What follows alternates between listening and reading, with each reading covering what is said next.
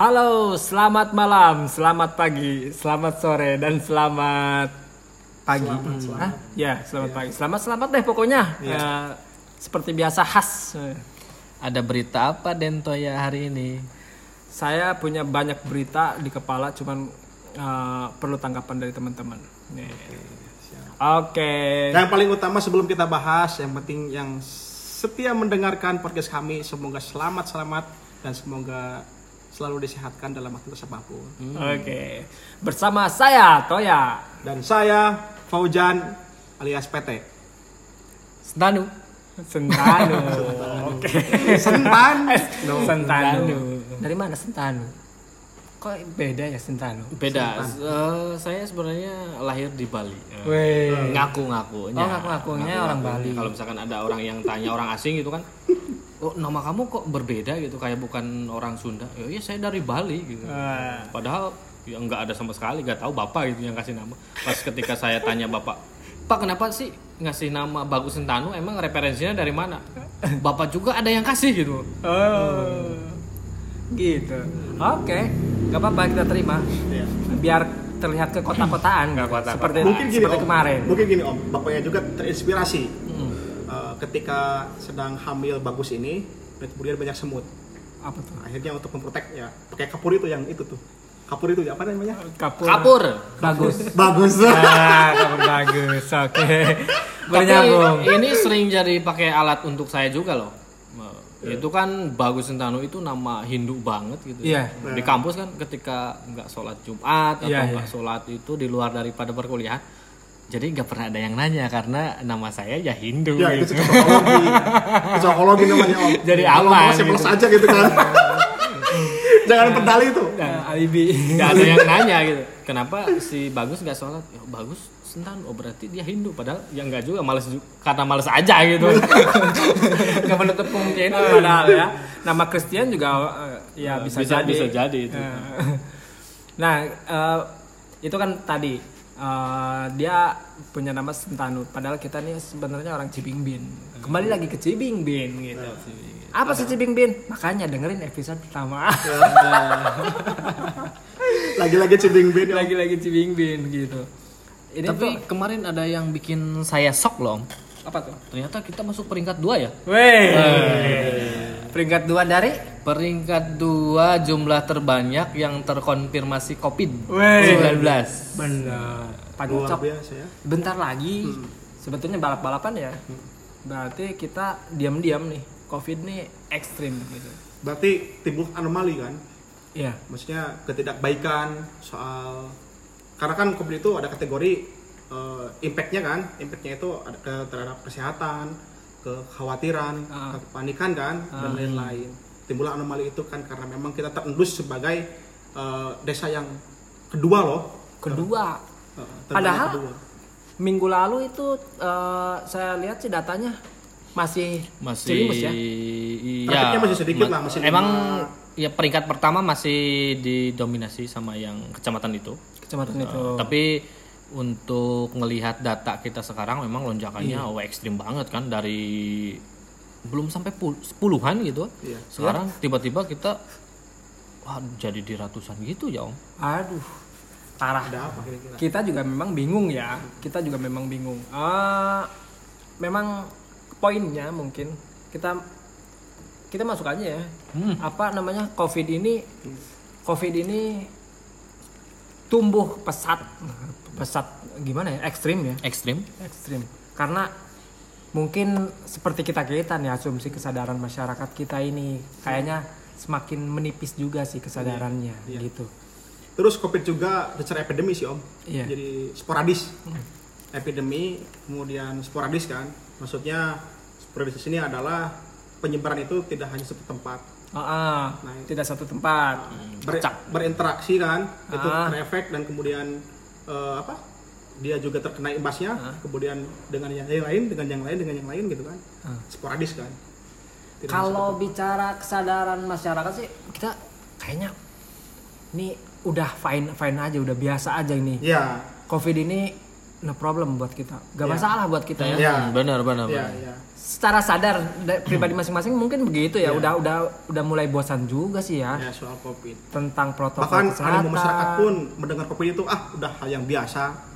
Bahkan tidak dihiraukan soal itu kan. Iya. Akhirnya kan, akhirnya eh, pusat keramaian seperti pasar dan lain-lain akhirnya kan tidak mengabaikan lah, mengabaikan, Mengabaikan. soal itu.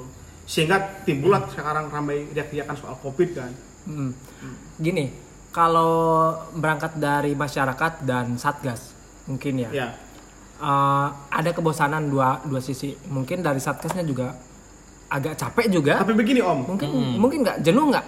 Ah, ah, tapi begini Om, apakah mungkin data itu diambil dari apa namanya? Misalkan ada yang sakit, sakitnya terbelakang itu misalkan stroke atau apa yang kemudian diklaim sebagai COVID misalkan gitu. Ah, Karena memang eh, apa namanya? Rentan. Eh, rentan. misalkan. Rentan. Apakah dari data itu? Hmm. Apakah dari data real yang memang sudah tes swab, swab, swab ya? Ah. Apakah dari apa kira-kira? Nah, gini, pas sepengalaman kemarin saya sakit. Wah, Wah, benar. Ya, ya, ya. sakit. Sakit juga, sakit juga ya? Sampai saya males datang ke CI. Wah, iya. Takut ada boykot saya diam-diam. Wah. Ah, Aduh, saya sakit, jatuh sakit. iya. Tiba-tiba ada kekhawatiran. Mm. Mungkin sem- yang dirasakan semua orang sakit itu ada rasa khawatir Hmm. akhir-akhir ini. Benar. Pilek dikit, batuk dikit. Wah, Covid nih gitu. Wah. Jangan-jangan, jangan-jangan ya.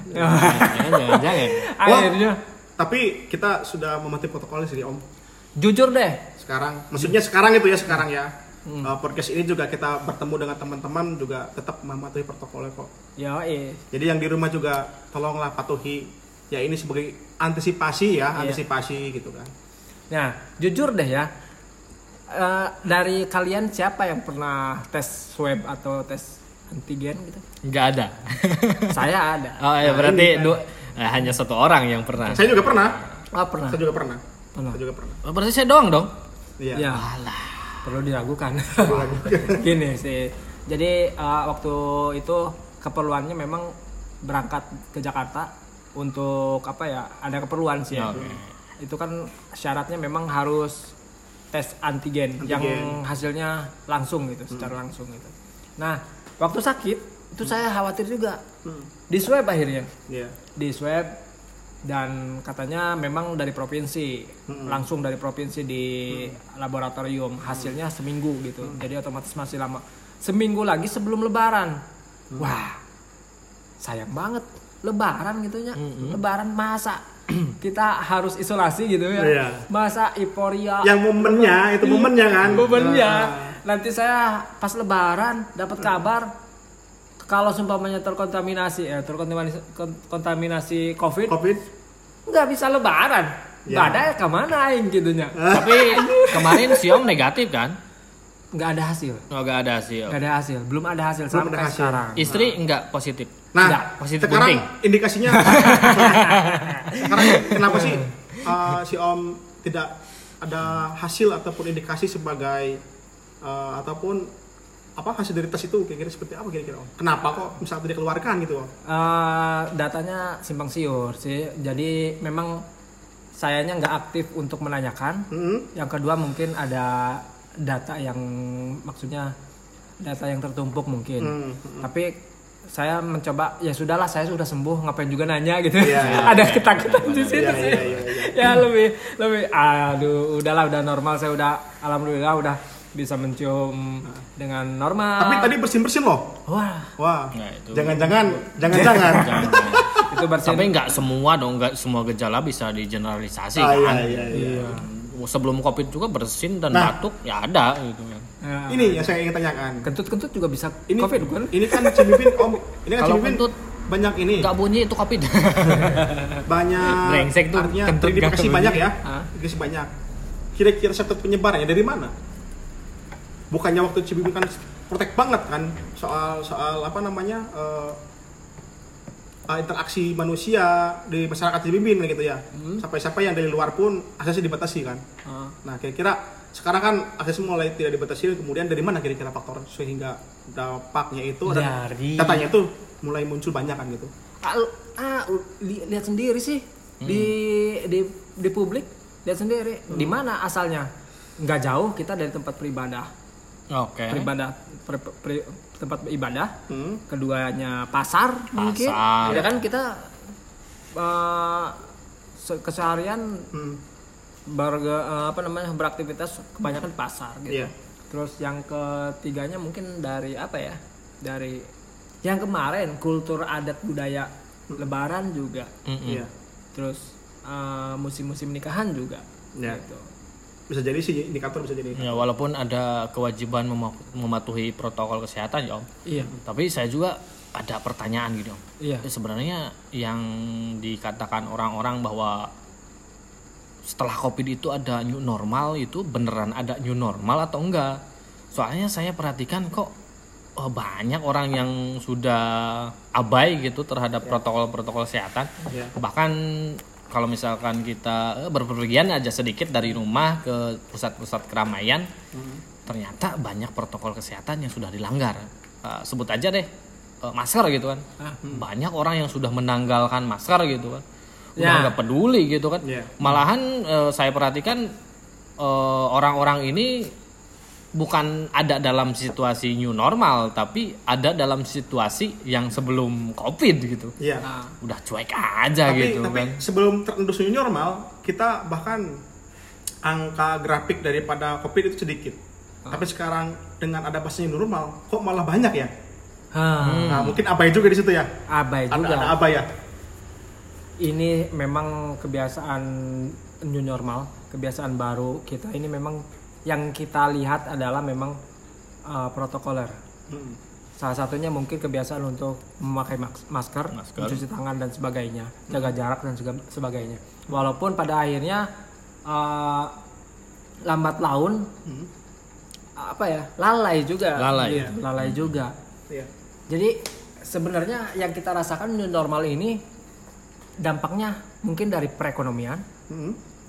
Dari apa namanya kebiasaan baru, kebiasaan baru seperti apa ya namanya menjaga kesehatan dan segala macam. Terus apa lagi ya yang bisa kita rasakan aja pokoknya. tapi menurut saya gini om. Mm-mm. Eh, si Bibin itu kan Cibing Bin. si Bibin itu kan sebagai Nggak jauh-jauh lah kita lihat Cibing Bin aja deh ya. sebagai pusat eh, transaksi ada.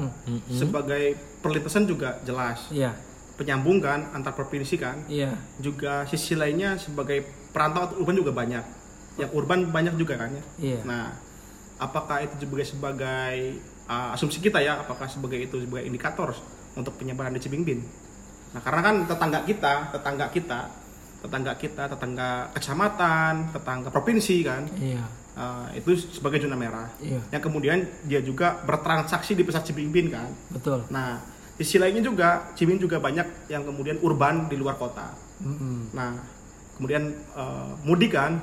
Eh, mudik juga ke Cibingbin. Nah, mungkin- Padahal padahal ada larangan mudik ya.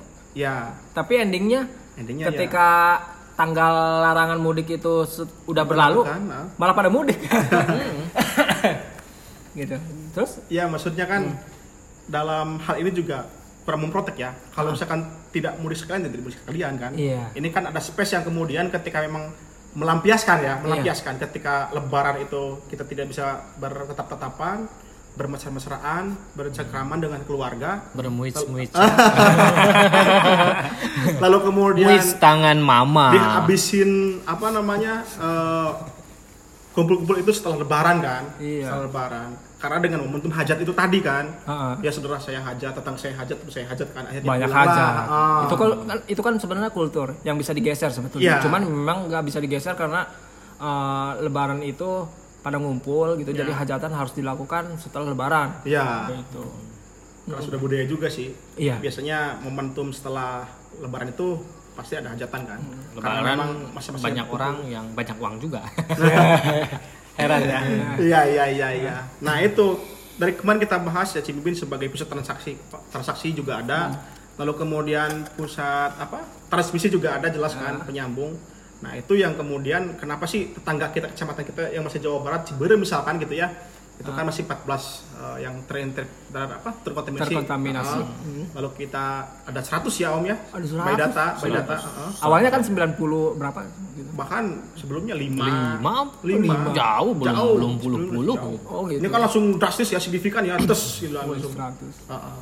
Nah, mungkin dari situ juga, dari situ juga yang kemudian yaitu ber apa namanya? eh, berinteraksi kemudian berkomunikasi yang kemudian ya akhirnya itu Mm. Kaget juga ya. kaget juga Kaget. Kaget juga gini. Diam-diam Cibing Bin itu zona merah. Zona merah apa dari perbankan? Taunya zona merah di Covid. Wah, ini ketahuan yang terus dengan perbankan ini. Aduh. Riba, riba, riba. Iya kan setelah saya baca update terbaru gitu kan. Iya. Kan saya setiap pagi eh, sering sering kali antar sekolah adik kan. Iya. Terus kemudian sering kali disuruh Adik eh, apa nih?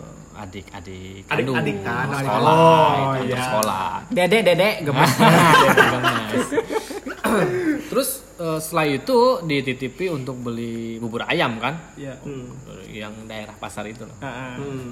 Dan sialannya itu ketika saya punya kecemasan, wah, aduh saya Cibingbin kan udah masuk zonanya merah, nggak tahu zonanya apa gitu Iya. kan. Terus udah hitam malahan. Oh, tadi tuh antri om, Wih. antri banget, wah ternyata memang nggak ada satu orang pun yang pakai protokol kesehatan di situ. Menyadarkan minimal. Hmm, Harusnya ente menyadarkan. nggak berani nggak berani lu? Oh, siapa apa? saya gitu kan siapa saya terus lagi ditambah orang yang pesen-pesen bubur ayamnya aneh-aneh gitu om Iya. Karena nggak bo- nggak bisa dipakai kacang Iya. pakai apalah gitu Iya. sampai si mangnya tuh bingung om bingung yang terakhir sebelum saya yang pesan itu Pak Haji nggak tahu Pak Haji siapa ya nggak usah Iya. sebut ya Pak Haji ini dikasih bubur apa enggak gitu saking pusingnya dia Heeh. oh, nerima pesanan gitu Suwirnya pakai ini enggak? Pakai sarung tangan enggak? enggak Suwir ayamnya biasanya pocek pocek pocek gitu, potel potelin enggak, gitu. enggak, enggak. Potel-potel ini. Enggak enggak. saking Steril, kan? pusingnya itu ini Pak Haji dikasih bubur ayam apa enggak gitu, soalnya kan yang ini nggak boleh pakai kacang Eh dia lupa yang sih. ini nggak boleh pakai ayam oh bukan bubur ayam dong kali Dia, dia lupa dia lagi jualan apa gitu. Saya jualan apa barusan? sampai dia bingung gitu Saya nanya lagi ke pembeli. Eh saya jualan apa? Bingung dia mau promosi. nggak ada om Ya, karena- sama sekali orang gini ya. udah abai Masyarakat juga apa namanya ya tadi punya ambisi untuk tanggung jawab, untuk menafkahi dan lain-lain, yang akhirnya mengabaikan soal itu. Ah. Eh, apa kemudian akses ataupun memang kerumunan itu juga diabaikan di pasar itu kan pusat kerumunan om Iya. nah Jelas. diabaikan karena memang proses kebutuhan yang seharusnya kira-kira opsi ataupun solusi apa untuk mengenang ini atau minimal antisipasi lah. Iya. antisipasi. Tapi Sebetulnya adil nggak sih? Misalkan eh, setiap kali ada lonjakan lonjakan kasus covid yang terkonfirmasi misalkan di salah satu daerah adil nggak sih ketika hanya masyarakat yang disalahkan gitu kan? Sebenarnya kan masyarakat sendiri bisa dong menyalahkan orang yang berwenang menangani covid 19 ini. Betul. ya. Kadang-kadang eh, saya berpikir bahwa ternyata kita itu seperti apa ya pipa air yang bocor gitu. Benar. pipa air yang bocor. Kita tahu yang bocor di mana tapi selama yang bocor itu tidak kita perbaiki akan tetap sama bocor gitu. Ya Bocor, Asal bocor. Asal inget deh. Bocor, bocor. Gitu. bocor bocor Sudah, sudah zamannya. hati-hati om kalau bocor gak bisa malam jumatan om Oh iya, betul ya. merahnya beda oh merah itu juga cuma merah kan sama-sama merah merahnya beda Ini kan kesadaran dari para kita ya, minimal kita dari dari warga lokal yang di Cibingbin. Eh, kembali lagi ke mengadopsi edukasi dari luar gitu. Iya. Urban urban yang datang atau mudikers yang datang mudikers. Mudikers. Iya, mudikers. Mudikers udah Colong-colongan udah, dia. uh, quickwords. Oh. Jadi uh, para pemudik ini datang ke Cibingbin ini membawa informasi bahwa kita dari kota aja biasa-biasa aja bisa mudik kok gitu. Selama itu di luar jam tayang apa larangan mudik gitu. Iya. Seolah-olah oh ternyata fine-fine aja biasa aja dari luar juga Iya.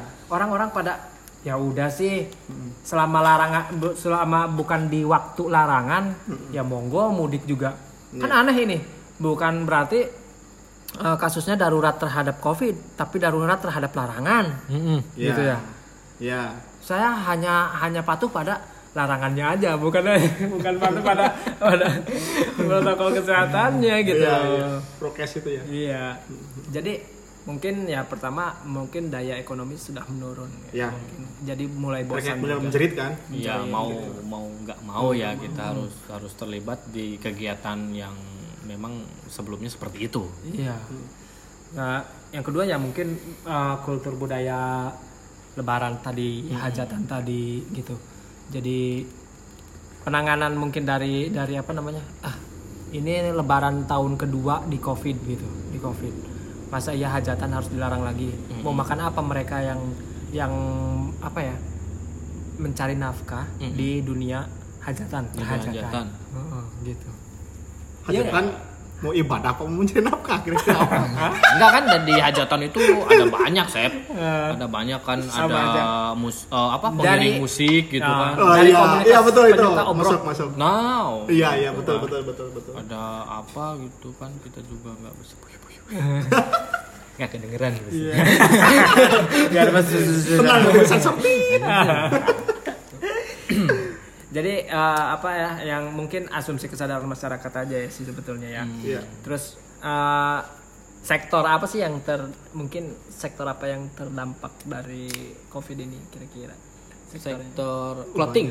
Woi, Udah udah. Banyak om. jelas itu. Banyak. Kemarin Pertama, Jacklot hancur Yang itu. paling urgensi ya, paling urgensi itu sektor ekonomi. Iya. Yang kedua adalah pendidikan.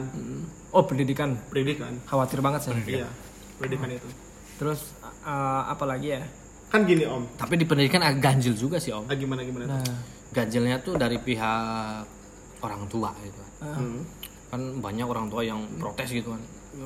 Masa sih hajatan diperbolehkan atau acara-acara yang lain diperbolehkan tapi sekolah nggak boleh gitu. iya, Hmm. Ini bikin anak makin bodoh, makin terus main game. iya. Loh ya itu kan salah kamu sebagai orang tua kenapa nggak punya kontrol terhadap anak gitu Iya. kan. Iya. Kan ini otoritasnya beda dong.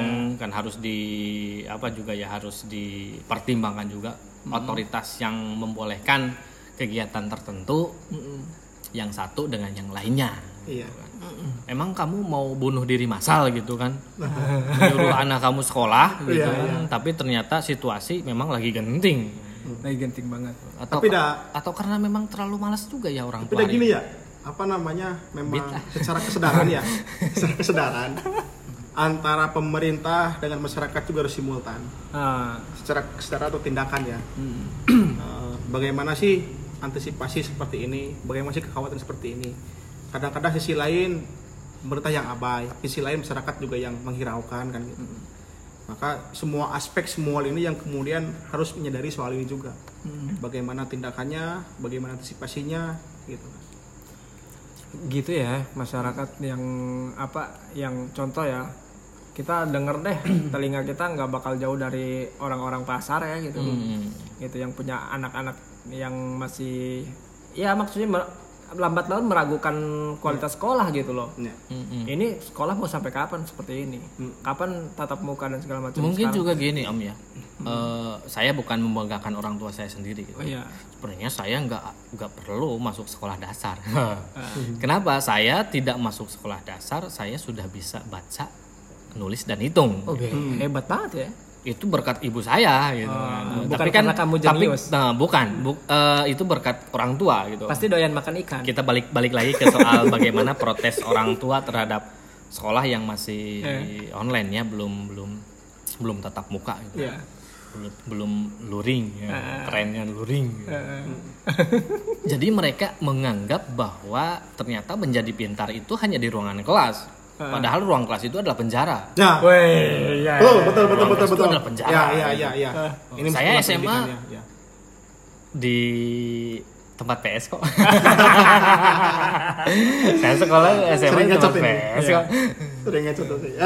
Sering aja. Oh tapi bukan berarti pengalaman kita bisa diterapkan ke pengalaman orang lain ya. Iya, iya, Tapi maksud saya bahwa menjadi pintar atau menjadi berpengetahuan itu tidak selalu hanya di ruang kelas. bersekolah itu belajar disiplin sih sebetulnya Hmm. Terus gini ya, apa namanya? Soal habit ataupun soal karakter, karakter. Ini kan kerap kali pendidikan kita uh, menitik terapkan terhadap uh, pendidikan karakter. Hmm, pendidikan berkarakter. Ini juga tindakan yang kemudian harus sama-sama dilaksanakan antara rumah, lingkungan dan sekolah. Oh iya. Bagaimanapun grand desainnya sekolah yang kemudian membuat anak itu menjadi karakter, Iya. ketika balik lagi kepada rumah, balik lagi ke lingkungan itu berbeda juga. Iya, betul. Nah, itu yang kemudian aspek-aspek juga harus dipenuhi. Nah, ketika sekarang banyak yang lebih di rumah harusnya eh, apa orang tua menekankan bagaimana membuat anak itu supaya berkarakter kan Hmm. Eh, Iya, betul, betul.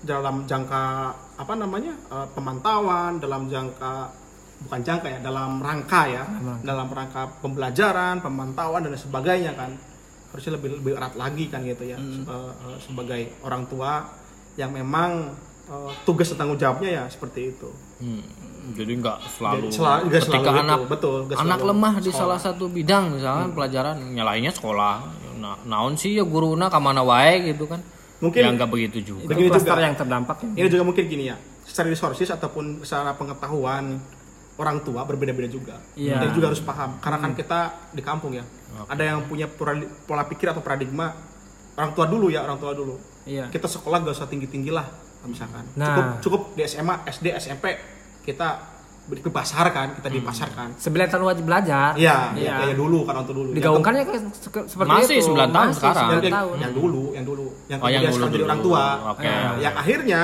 mungkin secara pengetahuan belajar ataupun secara pengetahuan pengalaman dalam mendidik itu Ah. juga memang kurang. Yang ya, akhirnya tidak bisa tidak bisa apa menghawal atau mengkanter anaknya ketika tidak di sekolah mungkin gitu. Kalau sekarang kan berbeda harus wajib 9 tahun belajar. Kalau Iya. dulu kan nggak seperti itu om. Orang Iya. tua orang tua dulu. Mungkin yang kekhawatiran orang tua dulu yang mempunyai sekolah yang sekarang anaknya berkelanjutan. Mungkin seperti itu juga. Nah, Saklat dulu tuh saklat 9 tahun wajib belajar. Iya, Kalau seumpamanya sudah menikah, keluarga berencana. keluar keluar apa ya. namanya eh, bukan dekrit ya Eh, keluar apa namanya eh, jargon Ya. jargon yang kemu- kemudian sekarang dianggap semuanya harus dilaksanakan Iya. 9 tahun lebih dulu itu kan ketika saya SMP kalau nggak salah iya.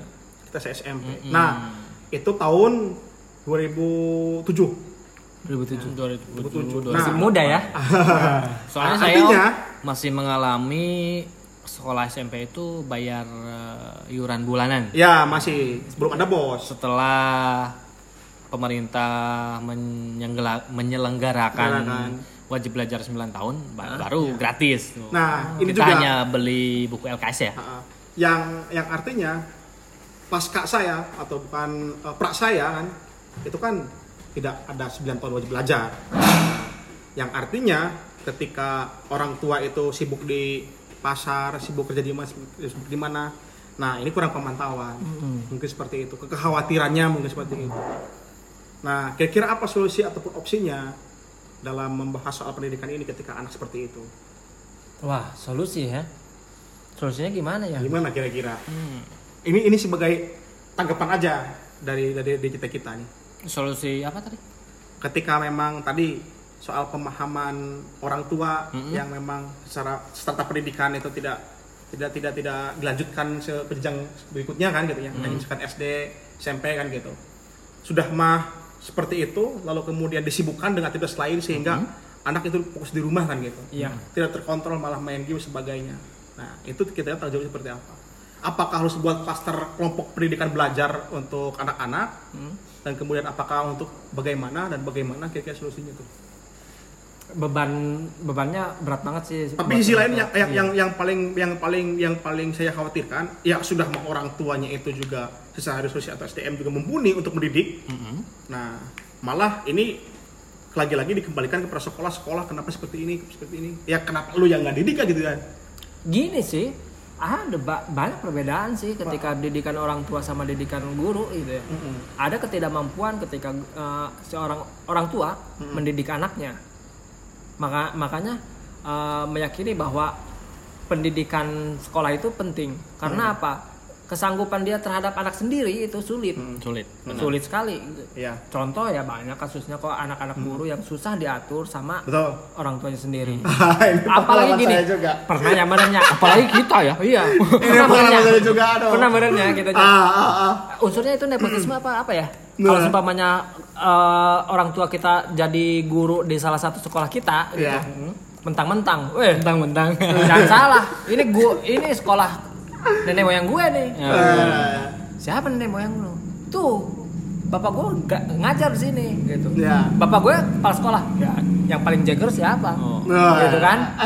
Padahal pendidikan dan moralnya akhirnya menurun. Eh, apa namanya? Banyak juga seperti itu.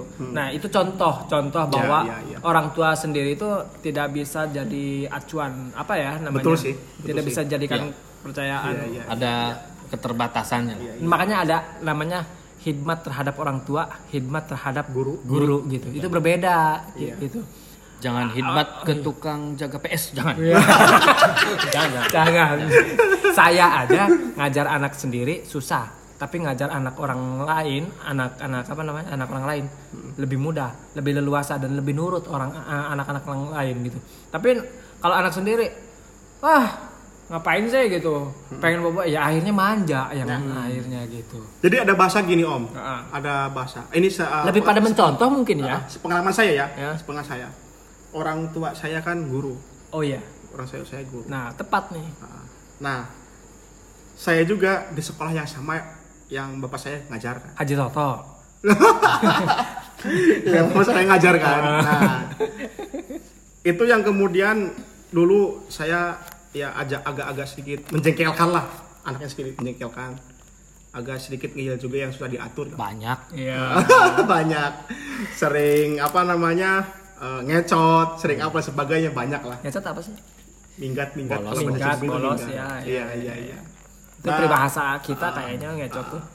yang akhirnya ada bahasa dari teman-teman saya loh orangnya orang tuanya itu mendidik orang lain bisa ya kenapa didik anak juga bisa Mm-mm. ada bahasa gitu kan Iya. dulu sih saya belum bisa menjawab om soal itu Iya. akhirnya saya juga sempat berpikir kasihan Iya juga, juga bapak ya. saya ya gitu Iya kan Nah, juga ya. kasihan juga bapak saya ya gitu ya Heeh. kalau sekarang ya coba ada yang lain lagi coba saya, saya bantah itu Kalau ada guru yang lain, pokoknya eh, ente sekolah di sekolah bapak lu. gitu Ah. ya. ya, sekolah di sekolah bapak lu gitu. Ah. Yang ngajar walaupun orang lain gitu. Ada kesenjangan. Iya. Se- kesenjangan didikan. Iya. Eh, ini mah anaknya Haji Toto nih. Karagok katanya. cenah gitu nya, aing karagok, aing. Bapak guru Toto nih. Ah. Ah, akhirnya pilih kasih gitu. Gak usah ditanya deh. Ya itu terjadi sih waktu Iya, iya. ya, waktu dulu. Tapi saya bisa bisa mengiyakan juga soal amsi itu. kita juga Karena karena memang betul. iri. Terkadang gitu. memang kita lebih mendengarkan apa namanya? guru lebih mendengarkan saudara-saudara yang lain Ah, karena didikan itu banyak sih. ah. Bukan hanya dari orang tua. Hmm. Tapi tidak menutup kemungkinan kita juga harus hormat kepada orang tua sih. Iya, iya. iya. Ya sebagai anak yang berbakti gitu. Ah, kita mau berantem aja sama temen kelas gitu karena dia anak guru, wah Nggak berani. bahaya nih. Bahaya, Ya, bahaya. Eh jangan salah, dia itu anak guru kepala sekolah gitu. Jangan macam-macam, akhirnya jadi ketua geng. Ngeselin kan? Ah, akhirnya. nah itu sektor pendidikan ya. Iya, sektor sektor pendidikan yang mangga kira-kira eh, teman-teman punya gambar seperti apa atau ataupun asumsi seperti apa ataupun solusi apa ya mangga itu sih silakan silakan saja kita bahas di sini ya ngobrol-ngobrol di sini ya ini asumsi Ya, pribadi iya, itu, dan teman-teman semuanya. Tapi ini kira-kira sektor ekonomi om. Titik pu- titik pusat penyebaran. Nah ekonomi ini om gimana? Eh, secara ekonomi ya memang Tadi kan dampaknya pendidikan, sekarang Iya. ekonomi. dampaknya memang eh, luar biasa sekali. Hmm. apalagi kalau mendengar sektor pariwisata juga ya, Ya, kan betul. berhubungan dengan sektor ekonomi ya, Betul, ekowisata ya. ekowisata. Bangkrut sekali. Bangkrut sekali, gulung tikar lihat di Bali. Hmm. Saya kemarin ke Bali waktu ini lewat virtual. eh kan Lewat Google Earth. Google Earth ke virtual teman-teman Itu saya. berkurang ya om ya. Ah. Malah itu berkurang lah karena pengunjung aja berkurang. Edan sih, edan banget nih. Hmm. Di dikiranya memang ya udahlah covid ini bertahan cuma satu tahun doang gitu. Ternyata bertahan sampai dua tahun Hmm. Betul. sekarang Betul. dan apa namanya lambat laun visa masyarakat apa visa turis Hmm. berakhir juga. Ya akhirnya gimana ya stagnan juga sih. Hmm. Ekonominya ya pasti pasti terdampak juga di setiap kota mungkin di setiap kota mungkin ada ada sektor pariwisata mungkin Ada pasti. ada pasti Ya ini kan asumsi saya, asumsi, asumsi, asumsi saja ya. Dulu kan perasaan saya pernah ngobrol juga dengan Om ya eh, yang ngobrol-ngobrol soal covid ini, iya soal ekonomi, soal apa. Karena kan gini Om, pemerintah juga kan harusnya bisa memberikan ah, solusi. Misalkan perangkat apa yang harus disiapkan ketika masyarakat terus lockdown. Heeh. Nah, karena kan langsung di lockdown kan kaget kan masyarakat itu Kaget banget. kaget kan. mereka belum siap apa Ibaratkan Hmm. kita naik bisa pakai tangga, sekarang mau turun tangganya dihilangkan, oh iya iya kan? Mau turut kan, yang artinya kan celaka kan gitu ya. Nah seharusnya pelan-pelan dong ketika pemerintah harus melockdownkan dan kira-kira solusinya apa kan gitu ya? Hmm. Solusinya apa untuk mengatasi soal sektor ekonomi itu? Ya minimal kan misalkan gini, perangkatnya dibuat supaya masyarakat tidak kaget. Yang akhirnya misalkan oh, UMKM ataupun masyarakat yang aktif di pasar ataupun apa karena sumber pendapatan masih dari sana kita dihentikan untuk tidak transaksi ya dari mana lagi kan sementara kebutuhan perut atau kebutuhan ekonomi harus disiapkan kan gitu ya. Nah kira-kira eh, memberikan solusi apa tuh? Eh, menurut saya sih gini ya menurut saya ini menurut saya. Masa menurut ente ya dulu. Eh, sebelum pemerintah melockdown kan harusnya kan dibuat dulu klasternya. Bagaimana sih soal ekonominya ketika di lockdown kan? Terus bagaimana perangkatnya yang disiapkan supaya memang ekonomi itu berjalan walaupun memang akses eh, berhubungan interaksi dengan masyarakat juga dikurangi kan gitu. Pelan-pelan saja pelan-pelan saja. Gak langsung lockdown breakdown break. Kemudian masyarakat di rumah kan gitu WFH turn off. Heeh. dan ketika sekarang itu mendengar new normal dihabisin aja dihajar aja kan. Des bebas gitu kan. Yang akhirnya sekarang kan tahu sendiri tiba-tiba covid di Cimimpin deng. Wah nah yang tadinya nggak banyak sekarang jadi wah luar biasa kan gitu. Jadi merah. Ya, pusing juga ya. Awalnya memang Cibingbin patuh loh terhadap protokol. Iya. Kompak masyarakatnya loh. Iya. Ya yang di benak di benak-benak para masyarakat ini warga-warga sini memang awalnya oke lah kita bisa terima covid ini palingan bertahan satu tahun gitu loh. Nggak bakal dua tahun. Iya. semoga aja mereda cuman mungkin karena dukungan dari kita butuh dukungan dari berbagai daerah juga sih Iya. untuk kompak. Jadi betul betul. ada kesenjangan ketika di sana PSBB di sini Enggak. PSBB melonggar. Akhirnya naik turunnya tuh angka angka angka statisnya Hmm. di sana naik di sini turun akhirnya berbalik arah gitu. Iya. selalu begitu selalu begitu. Akhirnya ya kita gini seolah-olah covid ini kita dikasih perahu gitu di sungai yang tergenang tanpa harus ada dayung ya gitu kita harus ya kasih betul, fasilitas betul betul untuk tinggal diam. Eh, gimana ini selanjutnya kita mau ke mana? Arah tujuannya kita mau ma- mau mancing ikan juga minimal ke darat kek, Iya. gitu kan? Minimal ke darat ya sekali eh, sekali-kali. Ya ini enggak gitu loh. Jadi kita tuh seolah-olah kita lagi berjalan tapi tak tahu arah tujuannya ke mana sampai kapan ini covid. Ya, sarannya kan bertahan, berenang atau tenggelam. iya makanya. mending harus berenang ya kan Kalau minum air sungai terkontaminasi. Di soal Ya, memang- ini juga ya eh, penanganan gitu. ya penanganan betul penanganan eh, kita juga harus belajar dari sejarah boleh dong. Kita nggak boleh menutup-nutupi sejarah. Gitu. oh iya, Kita kan oh, kita sering kali menutup sejarah-sejarah sejarah mantan lah sejarah apa. sih ya gue saya nggak bisa move on ya Nah untuk Perlu dilupakan sih kalau itu.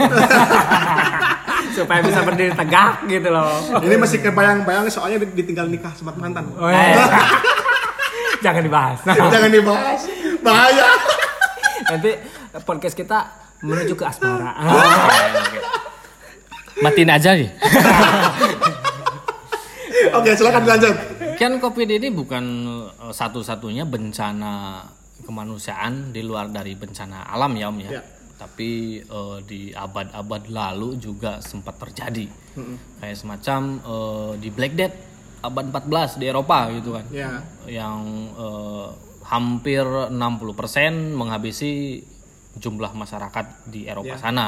betul Kemudian di Hindia Belanda sebelum Indonesia kan ada kolera di abad 20 ya sekitar sebenarnya itu diidentifikasi terjadi sudah sudah di tahun-tahun depan- 1820-an.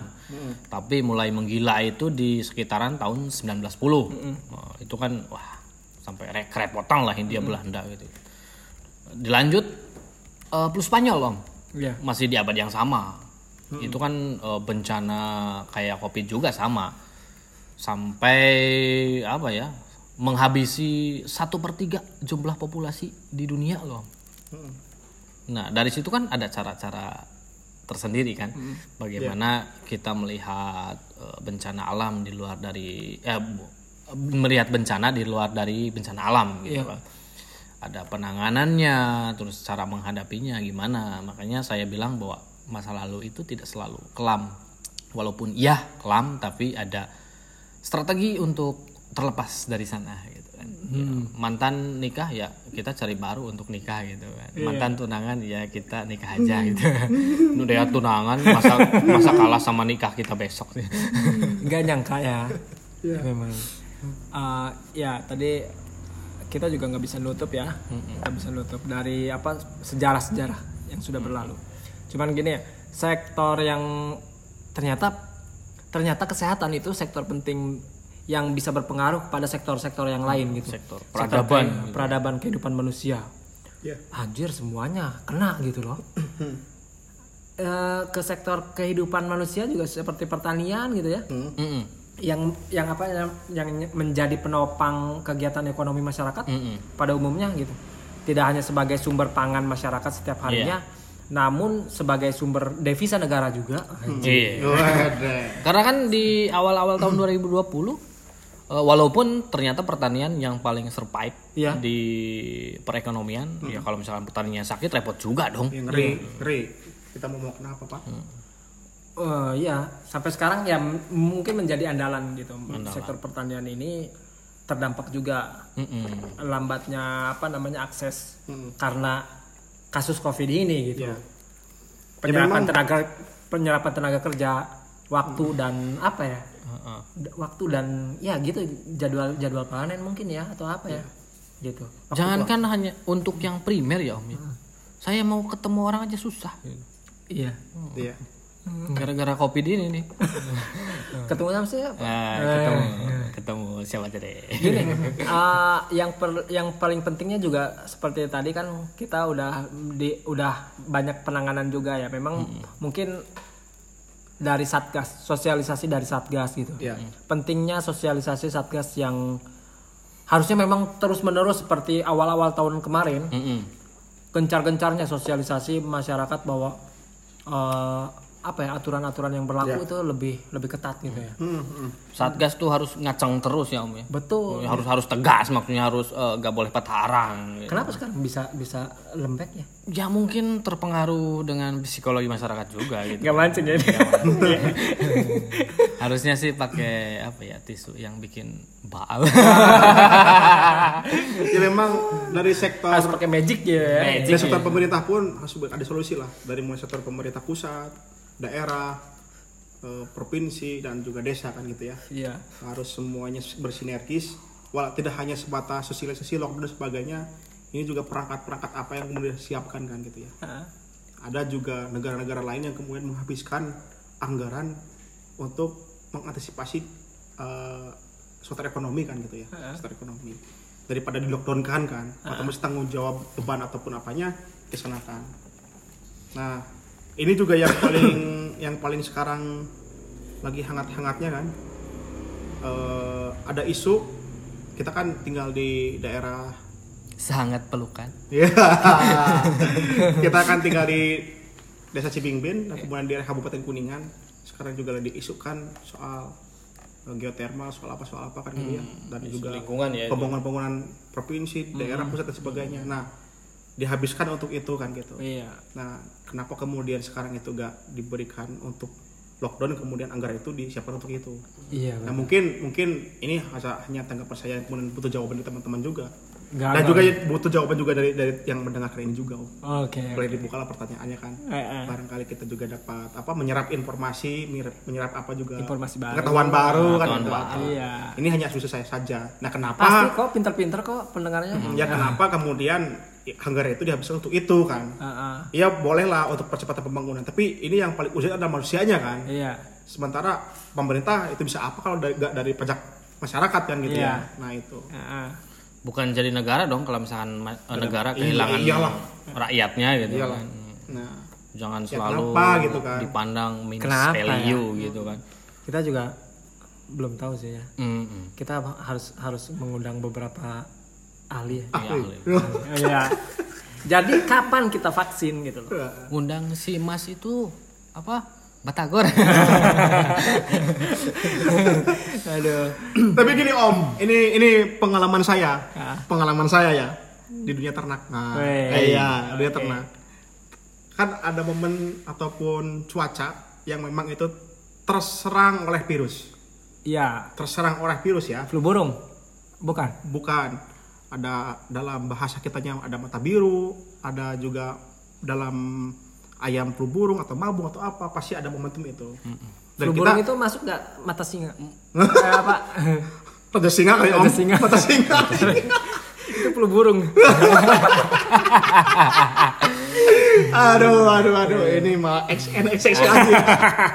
itu mah perlu disuntik Jaksi. itu kan ketika menghadapi cuaca, menghadapi virus seperti itu kan itu harus protek kan? Iya. Protek. Iya.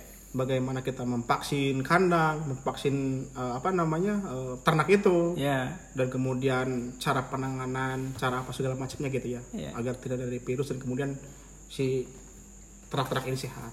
Ah. Dan, dan, dan memang dari obatnya itu sangat alamiah, Hmm. dari daun pepaya, daun apa, dan kemudian apakah kita juga harus memakan itu dan kemudian apa kasusnya itu Ah. yang memang sang dan dan mudah ditemui di desa-desa kan gitu.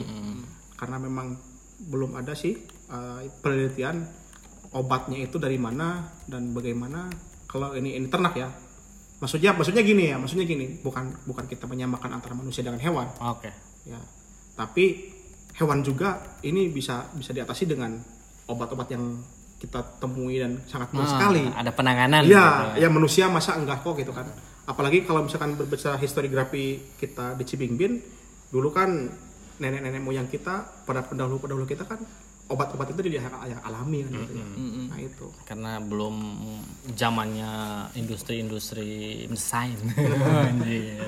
Gini itu deh. cukup murah dengan dengan apa namanya eh, daun pepaya, terus kita merawat seperti apa dan alhamdulillah. Ya udah gini deh, jadwal jadwal vaksin ini memang perlu disosialisasikan lagi gitu. Agar tidak simpang siur apa ya namanya? Tidak simpang siur informasi. Kita secara nasional mungkin dapat informasi, dapat menyerap informasi dari media berita dan segala macam. Sekarang media sosial juga berpengaruh juga gitu. kencang juga ya Iya. Jadi apa kenapa harus ada memang kelompok prioritas ya mungkin kelompok prioritas itu apa aja ya? Ya itulah.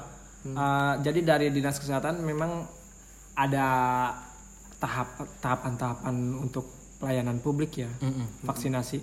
Tapi ya itu dia. tapi Enggak, masa sih entah- yang entah yang yang aman mereka doang kita enggak Iya. Harusnya sih gimana ya? Ini kan menyebar. Dia Iya. juga manusia gitu. nah Iya. Kita juga manusia gitu. Harusnya ya jangan digeneralisir ya itu, itu mah. Memang harus bersama gitu kayaknya memang kalau supaya pengen covid ini merata sama musnah gitu. Ingin segera lepas nih dari covid nih gitu. Vaksin itu juga kan ini juga jadi pertanyaan saya. Vaksin juga apakah membunuh virus? Apakah memprotek saja? Ataukah apa? Kira-kira vaksin itu kan untuk apa sih sebetulnya? Apakah untuk memprotek saja? Apakah imun kita sebagai kuat supaya kuat? Apakah itu membunuh virus kira-kira? Vaksin itu. vaksin itu kan memang eh, dia eh, apa namanya purenya sih memang untuk ketahanan tubuh ya ketahanan tubuh ketahanan tubuh agar terhindar dari virus yang lain mungkin gitu. Iya. cuman eh, di sini kan kalau seumpamanya kita bicara tentang ya ini vaksinnya ada berbagai jenis ya. Bingung juga sih. Bingung juga. Ada beberapa vaksin Sinovac yang kemarin ya ya dari dari mana ya? Dari mana ya? Dari mana? Ya mungkin bisa Iya, jawab lah. ya, ya. Mungkin bisa tahu lah yang ada ini. lagi vaksin yang baru ketika sudah sudah vaksinnya Tahap keluar tahap dua ya? tahap tahap kedua akhirnya dimunculkan lagi dengan isu virus baru lagi Jenis- jenis baru. lagi. ya bingung juga itu aduh Yang pertama belum dapat. yang kedua sudah datang ya akhirnya kita mungkin kita tutup uh, bentar om, bentar. Ada informasi nih. apa nih Eh, tadi pagi kan, Iya. eh, sebelum kita bahas-bahas ini kan, saya baca di Medical News Today gitu kan, Eh, ternyata ya COVID itu benar-benar serius ya om ya. Ternyata ketika kita terdampak atau terpapar virus corona itu tidak, kalau misalkan beruntung sembuh juga, ternyata masih ada proses lanjutannya om. iya benar Ada benar proses lanjutannya. Mereka punya istilah itu long COVID om. Benar, benar. Ya, ya, saya udah udah udah pernah bicara sama orang yang terpapar COVID. Dia memang virusnya itu memang ada di dalam di dalam tubuhnya masih ada COVID-nya. Hmm. Cuman eh, dia sifatnya tidak Reaktif. menularkan, iya, tidak reaktif. nggak kentara gitu tapi wah sangat urgent juga gitu kan dangerous gitu kan Gak menularkan, gak menularkan. Tapi kalau seumpamanya eh, berpindah gitu, eh nggak menularkan berarti nggak pindah ya? nggak pindah. Nggak pindah ya? tapi eh, beresiko apa sakitnya lebih panjang gitu om. Oh, iya, jadi iya. eh, yang dimaksud dari long covid itu kan sakit berkepanjangan setelah setelah kita dinyatakan positif corona kan. Yang biasanya 2 sampai 6 pekan dinyatakan sembuh ternyata bagi beberapa penderita covid sebelumnya yang pernah dinyatakan positif itu ternyata mereka bisa lebih daripada itu om. Long COVID itu berapa sih? Eh, apanya om durasinya? Eh, 2 sampai 6. Maksudnya ketika mereka dinyatakan sembuh itu 2 sampai 6 pekan mereka dinyatakan sembuh. Jadi gejala-gejala yang sebelumnya mereka dirasakan hilang. Om. Tapi ada beberapa nih pasien yang ternyata masih merasakan gejala-gejala tersebut. Itu dinamakan long covid. Dan apa ya? Gejala untuk informasi ya, informasi misalkan ada keluarga atau teman yang misalkan tidak sadar bahwa mereka itu ternyata sedang mengidap long covid. Jadi ada beberapa gejala Ambigu. eh, yang tadi saya baca ini om ya, sekedar informasi aja gitu kan, nggak tahu ini valid atau apa yang ya yang yang saya rasa media yang saya baca itu ya valid aja gitu. Kali aja lah. Jadi di apa ya di gejala long covid itu biasanya orang yang sempat terkena itu akan merasakan demam ya, demam berkelanjutan, depresi. Wah. Oh depresi. Saya udah depresi. Kita semua depresi ya, ya akhirnya Depresi. covid semua. Mudah kelelahan. Ya, dong. Terus kemudian eh, nyeri otot dan diare gitu. Aduh, Aduh, Nyeri otot dan diare. kita kalau diare juga iya, pegel-pegel juga iya. Tiap hari kita pegel-pegel. Batuk terus menerus. Aduh. Padahal kita belum jadi kakek-kakek. Aduh, itu rentan sekali. Kita batuk dikit-dikit batuk. Ah, belum bayar. Ya tapi eh, di sini juga ada cara penanganannya om. Oke, oke. Iya, iya, iya. Ada penanganannya ya. Jadi Kabar baiknya Iya, penanganannya. men- cara menanganinya itu harus mengkonsumsi makanan-makanan yang bergizi, Tuh kan? Ya, semacam tadi kan? Iya. Saya bahas. menu-menu di Coffee Island gitu kan. bergizi semua dong itu. kan. Amin. Ada, bahas kan? ada Iya, burger iya, iya, ya gitu kan, burger kan bergizi, ada sayurnya, ada Ya, ya, dagingnya ya, ya. gitu. Betul, kan. betul, betul, betul, betul. Tadi saya bahas juga kan, bebek juga kan, ketika disembuhkan itu lewat uh, bahan-bahan yang alami seperti tadi daun pepaya, Nah. apa dan sebagainya kan, yang yang alami-alami. Yang mungkin kita juga harus memang banyak mengkonsumsi soal itu. Hmm, ya supaya Daya tahan apa tubuh ya? juga gizi, nutrisi terpenuhi kan, Ya, ah. telur apa segala macam kan gitu. Hmm. Jadi ada penstabilan kondisi tubuh lah. Iya, betul, betul, betul. imun eh, respon imun tidak terdang, terganggu dan kemudian sistem saraf juga Iya, saraf yang tegang-tegang. Iya kan kalau misalkan saraf terganggu ya, Ya. repot juga kan kalau misalkan salah satu anggota, anggota tubuh yang nggak bisa tegang gitu silakan gimana kira-kira tadi kelanjutannya? Nah, gimana om tadi om lupa om Wah, mau ditutup terus disela gitu Eh, Gak apa-apa. Kita kan eh, relay gitu. Ada mau ini mau apa namanya? Mau terus apa? kita tutup gitu. Jadi ya memang ada pelaksanaan penaksa, memang sudah terjadi pelaksanaan vaksin ketika angkanya kemarin bulan-bulan kemarin itu Iya. Yang paling meningkat drastis itu di Cilimus ternyata sudah sudah dilakukan ini ya penyuntikan Hmm. penyuntikan apa ya Vaksin. vaksin. Buyung upik. Nah. Tahap dua itu untuk hari ini SD kayaknya. di puskesmas apa ya Windu Sengkaan kalau nggak salah Lempayung di Cilimus gitu. Cuman kan ya kita nih aksesnya jauh dari dari perkotaan. Em, mungkin Cibingbin gitu kan. Iya, iya. Jauh dari dari akses informasi perkotaan gitu. Hmm. Akhirnya agak diperlambat, agak agak lambat gitu, agak lambat informasi vaksinasi intinya. Saya juga kapan- Ya terus terang aja om, sebenarnya saya juga sebagai masyarakat yang biasa gitu kan, ya nggak tahu gitu kan kapan kita divaksin gitu. kan. Padahal kita butuh loh, walaupun disuntik mau nih itu divaksin. agak sakit gitu. kan beberapa orang ada yang uh, percaya dan tidak. Ikhtiar aja deh. Ikhtiar aja. ya, aja. ya, ya itu tadi om, kita belajar dari masa lalu. Iya, iya. Masa sih orang divaksin langsung begitu mati? Uh, uh. nggak ada juga kok kita nggak se apa ya sebiadab biadabnya Naji kok gitu Iya. kan. masa sih orang mau bunuh orang lewat vaksin doang gitu Iya. kita punya senjata yang lebih canggih daripada soal suntikan gitu Oke. Ini agak serius ya argumentasinya. nah, nggak apa-apa Agak tentangnya oke. Itu dia uh, tentang Covid ini kurang lebihnya ya tanggap sendiri aja. Gitu. Kita hanya Rangkum punya sendiri ya. opini. Nah, Semoga bisa sepakat. Itu tidak boleh. Silakan disimpulkan masing-masing lah. Oke. Tidak boleh sepakat, Om. Oke. ya. kalaupun tidak sekepakat ya jangan bawa kita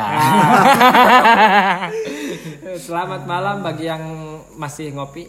Kita berlanjut ke episode berikutnya. See ya, bye bye. Assalamualaikum warahmatullahi wabarakatuh. Waalaikumsalam warahmatullahi wabarakatuh.